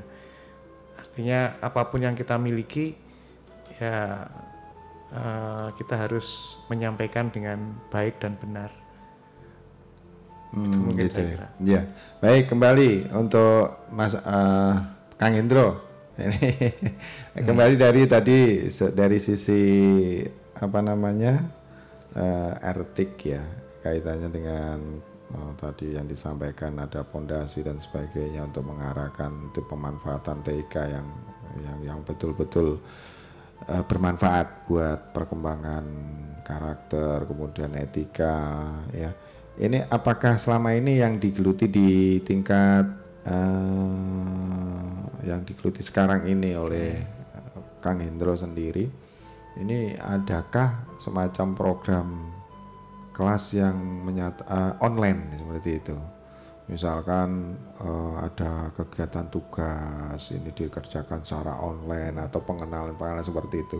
Dari sisi ini eh, pengenalan dari sisi pengenalan satu ini ada nggak yang yang sudah ditempuh? Ini se- sekedar informasi saja monggo nggih kalau yang digeluti. Nggih. Untuk saat ini masih belum. Oh belum ya. Baru kemarin kita bicarakan Hmm. sama Pak Lanang Hmm. di tempat ngobrol gitu Hmm, hmm, hmm. terkait e-learning. E-learning, hmm. Apalagi ini kalau tingkat saya kan setingkat madrasah ya. iya. E-learning di madrasah ini kalau misalnya diimplementasikan mungkin baru ada gitu ya. Hmm. Ya harapan saya ke depan mungkin tahun depan ini berjalan. Ada kurikulum yang yang sudah disahkan apalagi seperti itu ya? Ada Enggak, kaitan- enggak, enggak, enggak menunggu dari seperti itu. enggak, enggak perlu menunggu kurikulum. Ya, ah. Ya, apa yang ada dalam mungkin kita jadikan nanti ini masih apa masih kita godok. Mm-hmm. Terus nanti pakai modul apa kita Mhm. masih kita godok. Mhm. Ya rencananya kita jadikan pilot project, enggak Hmm. hanya e-learning saja tapi kayak CBT kita online kan, Pak. Jadi Hmm. memudahkan uh, memudahkan siswa kalau ada bank soal dan lain-lain Hmm. itu Hmm. bisa memudahkan cuma sebagai media saja Hmm. ya, sebagai media tanpa mengurangi esensi pembelajaran yang ada di kelas Itu dalam artian untuk kegiatan di luar sekolah ya, seperti Iya, itu di rumah betul. misalkan Iya. seperti sudah pulang dari rumah, ada kegiatan tugas yang secara online Iya. interaksi dengan eh, Pak, Guru. Pak guru-gurunya Iya, seperti apa tugas ini harus dikerjakan. Iya. Jadi tidak lagi untuk bu- eh, Pak guru Bu guru ini menulis di tuliskan dulu PR pekerjaan rumah ini pertanyaannya harus dikerjakan di rumah seperti itu ya kira-kira Mungkin juga Ah, dengan ah. aplikasi satu aplikasi orang Iya. tua juga bisa terlibat. Iya, iya, Jadi betul sekali. Orang tua bisa mengetahui, oh ini ada PR nih, Heeh, heeh, heeh. karena informasi dari gurunya, gitu kan, sehingga ya. Sehingga orang tua bisa memberitahu bahwa, uh anak saya belum mengerjakan tugas dan belum dikumpulkan, itu sudah tahu. Hmm, Bisa juga ada iya, iya, aplikasi iya, iya. aplikasi seperti itu. Ya, kira-kira dari dari pandangan Ertik sendiri sudah ada gambaran nggak aplikasi yang seperti yang dimaksudkan Pak Anang itu tadi? Ke- eh, apa se- selain WhatsApp yang yang selama ini mungkin dari grup eh, WhatsApp yang wali murid dengan bu guru ini ada komunikasi melalui grup.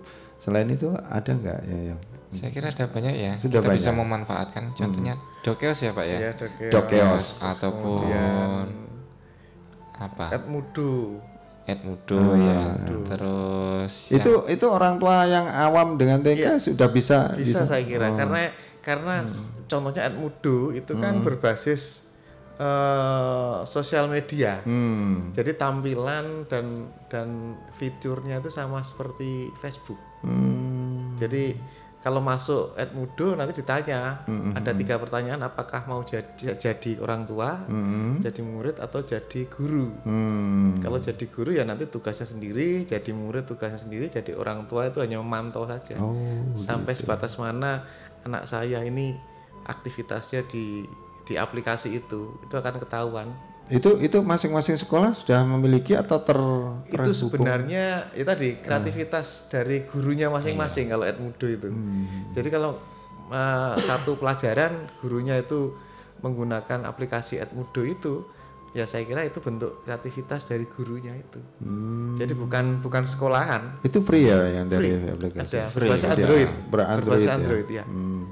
Ini ya ini sekedar tahu untuk untuk semua sahabat Suara Madiun yang mungkin eh, dari sisi aplikasi memang kalau kita mempunyai eh, HP yang sudah sekarang tidak asing lagi untuk Android itu memang tinggal pilih aplikasi yang mana yang tepat itu. Iya. Kadang-kadang saya sendiri juga bingung ini bermanfaatkah untuk untuk anak kita, untuk keluarga kita, bahkan kita sendiri ingin masuk di situ dan Ya, mungkin sebagainya. belum belum belum belum menemukan aja. Tapi kalau Ah, misalkan ah. ini sebuah, sebuah gerakan, Iya. gerakan gerakan apa guru, Mhm. kemudian gerakan siswa, gerakan orang tua, Bersama-sama. bisa, Bisa, Nah, bisa, ya. bisa. Gerakan bersama emang. Hmm, Jadi ada komitmen khusus Komitmen ya dari pihak sekolah. Ya memang benar selama ini kan menggunakan WhatsApp ya. Hmm. Iya. guru. Itu yang- Tapi yang sekedar simple. info, sekedar Ah. info, Ah. ya, sekedar info. Padahal di Edmodo sendiri juga bisa bagi guru bisa membuat kuis Hmm, online. gitu ya. Kemudian nanti penilaian juga sudah otomatis. Hmm. Kalau itu disosialisasikan, saya sendiri baru dengar ini. Mungkin kalau Iya, dari iya. segi Ah. sekolah biasanya gini pak, Aha. mau menerapkan suatu hal kan biasanya dilihat, oh ini anggarannya berapa. Wah, gitu. ini kadang-kadang Padahal Hmm, kita bisa memanfaatkan memanfaatkan yang gratis. Banyak yang gratis sebetulnya pak. Hmm, Dari CBT banyak yang gratis. E-learning banyak yang gratis. Jadi nggak sem apa nggak semuanya itu Harus ada butuh dana. anggaran apa Iya, dana. Kebanyakan kan Heeh, image-nya ke Iya, sana, ya. arahnya ke situ. kan infrastruktur. Iya, infrastruktur. Gini, Sebetulnya gini. kalau ada kemauan terus komitmen bersama Nawaitunya, bisa ya. sebetulnya iya.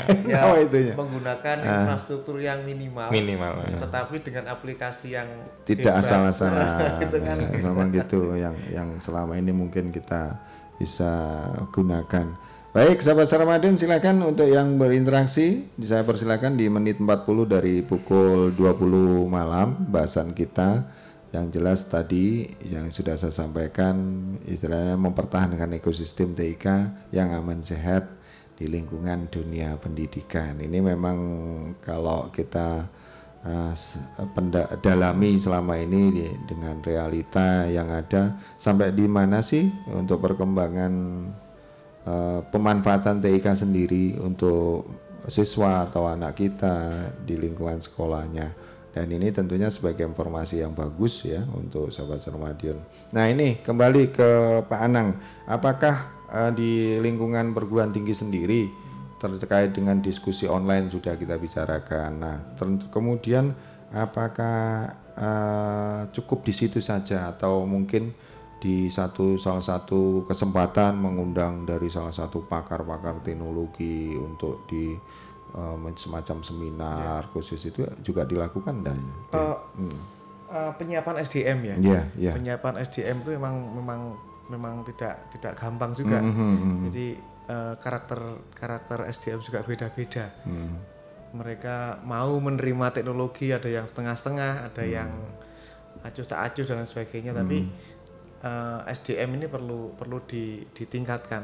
Hmm. Eh, memang benar ad- eh, harus ada pelatihan-pelatihan Mhm. tentang tentang terutama e-learning. Kalau Hmm. e-learning ya berarti kan Mhm. SDM dari eh, gurunya, dosennya itu harus diadakan diadakan pelatihan-pelatihan sehingga Hmm.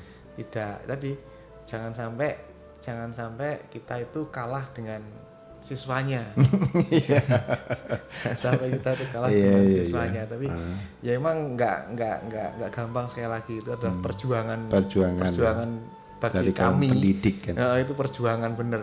Hmm. Jadi memang benar harus ada pendampingan, ada pelatihan, terus kemudian ada apa namanya eh, inovasi tadi, modul-modul itu harus harus, Harus mempunyai kreativitas ya, kreativitas membuat modul animasi, eh, mungkin disisipi video, disisipi film, kemudian membuat semacam resume analisa bentuk-bentuk seperti itu, Hmm. kemudian didiskusikan, nah itu mungkin bentuk-bentuk seperti itu yang yang perlu di, di diperbanyak. Hmm, oke, oke, oke. Oke, terima kasih Pak Anang penjelasannya. Dan ini terkait kembali, apakah tadi juga disampaikan eh, yang umum ini aja dari realita yang di selama ini terkadang kita kalau saya sendiri ya pribadi kalau sudah dibenturkan dengan membaca kembali ini yang klasik kalau dulu kita belajar membaca di dulu membaca ini majalah apa, literatur atau dan sebagainya wajib karena belum dikenalkan. Ketika kita sudah di era teknologi sekarang ini membaca ini sudah mulai bergeser. Kalau kita me- me- membaca semacam literatur tertentu ya atau penemuan atau dari artikel tokoh dan sebagainya. Ini terkadang kalau sudah ketikanya buahnya Banyak. beberapa halaman ini sudah mulai aduh membaca ini. Ini ini kira-kira ya untuk menyikapi itu apakah di masing-masing di dunia pendidikan ini sudah diterapkan juga semacam perpustakaan apa namanya online ya. Atau atau seperti itu. Bagaimana ini gambaran yang ada di Kota Madiun eh, yang yang yang kita cinta ini? Monggo mungkin disampaikan Pak Anang atau Mas Pekang Indro kaitannya dengan perpustakaan online. iya. iya untuk memudahkan. di Nggih. Madiun saya, Hmm. eh, saya pernah menjumpai teman-teman anu ya teman-teman komunitas Slim.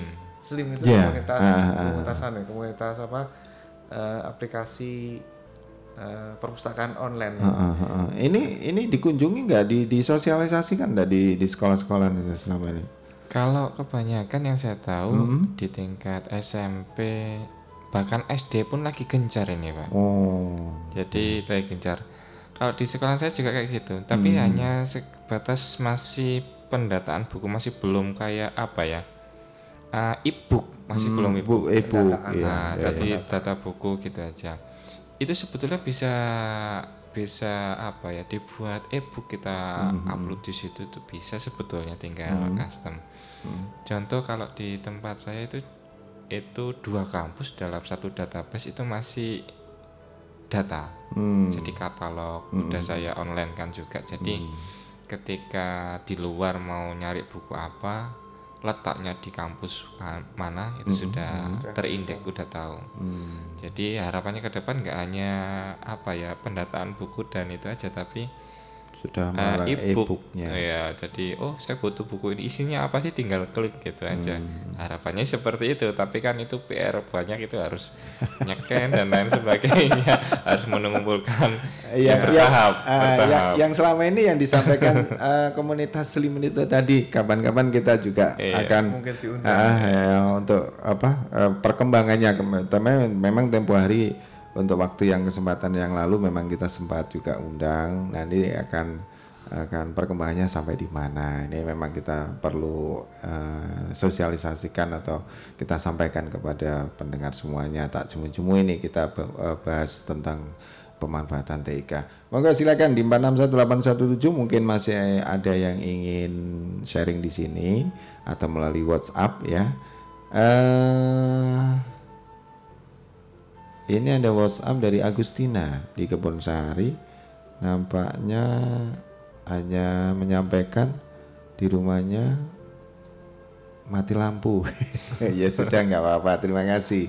Siarannya lancar. Tema malam hari terima kasih Mbak Agustina ya di Bonsari yang juga sudah simak. Kemudian salamnya buat semua. Oke, terima kasih.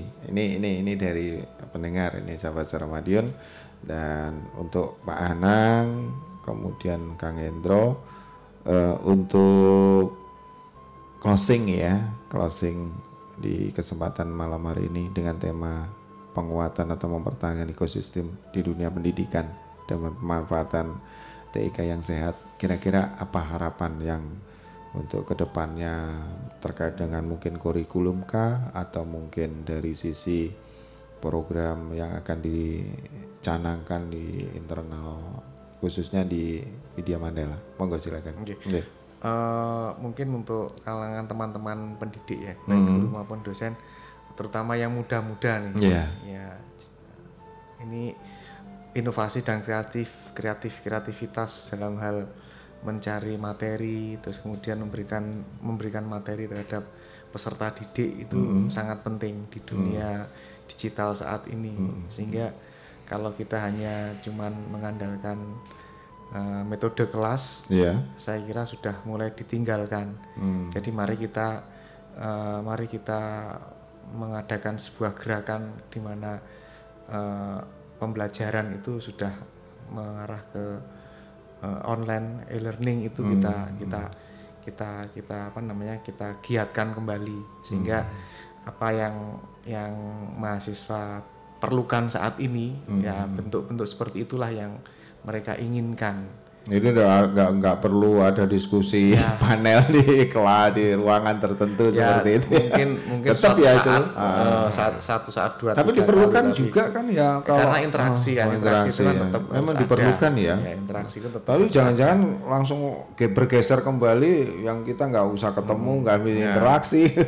Saya khawatirnya itu tetap juga. interaksi Oh, juga tetap mesti harus interaksi. ada Oh, harus mungkin po- porsinya saja porsinya saja. Oke, terima kasih ini eh, closing dari Pak Anang. Terima kasih untuk Pak Kang Hendro. Silakan ya closing. Hmm, Kalau saya condong ah, ah, pembuatan inovasi, inovasi dalam pemanfaatan TIK sehingga apa ya siswa itu mudah dalam pemahaman, nggak ribet dengan banyaknya kata-kata dan. Iya, iya. cukup kita apa mengutip beberapa kalimat atau Hmm. apa sehingga apa ya anak itu mudah dimengerti nggak hanya berupa kata Mm-mm. bisa berupa animasi ataupun berupa video intinya pemaksimalan dan inovasi dalam bidang TIK Hmm, seperti itu harapannya ke depan ya.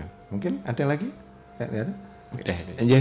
Kalau begitu saya kira saya sudahi untuk kegiatan obrolan kita di program acara Keroncong dari masa ke masa.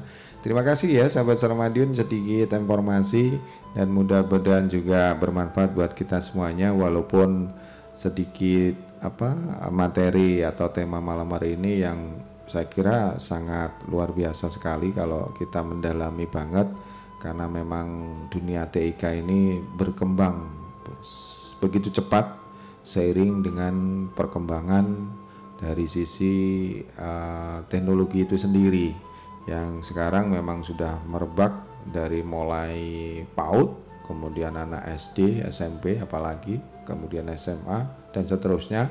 Ini tidak ubahnya. Kalau kita tertinggal dompet ndak ndak ndak sekarang ya ini sudah beralih. Kalau kita tertinggal dompet di rumah ndak bingung. Tapi kalau HP tertinggal di rumah ini sudah kelang kabut. Ini kita akui sekarang ya. Seperti itu sahabat Ramadhan intinya. Jadi penguatan di eh, di dunia pendidikan sudah diupayakan. Baik di relawan TIK kemudian para guru dan dosen dan sebagainya. Ini memang pemerintah juga lagi mengkaji kembali bahwasanya TIK ini akan kembali menemani atau mengedukasi dari uh, para generasi muda kita di sekolah sesuai dengan tingkatannya. Baik, saya kira itu mudah-mudahan bermanfaat untuk kita semuanya.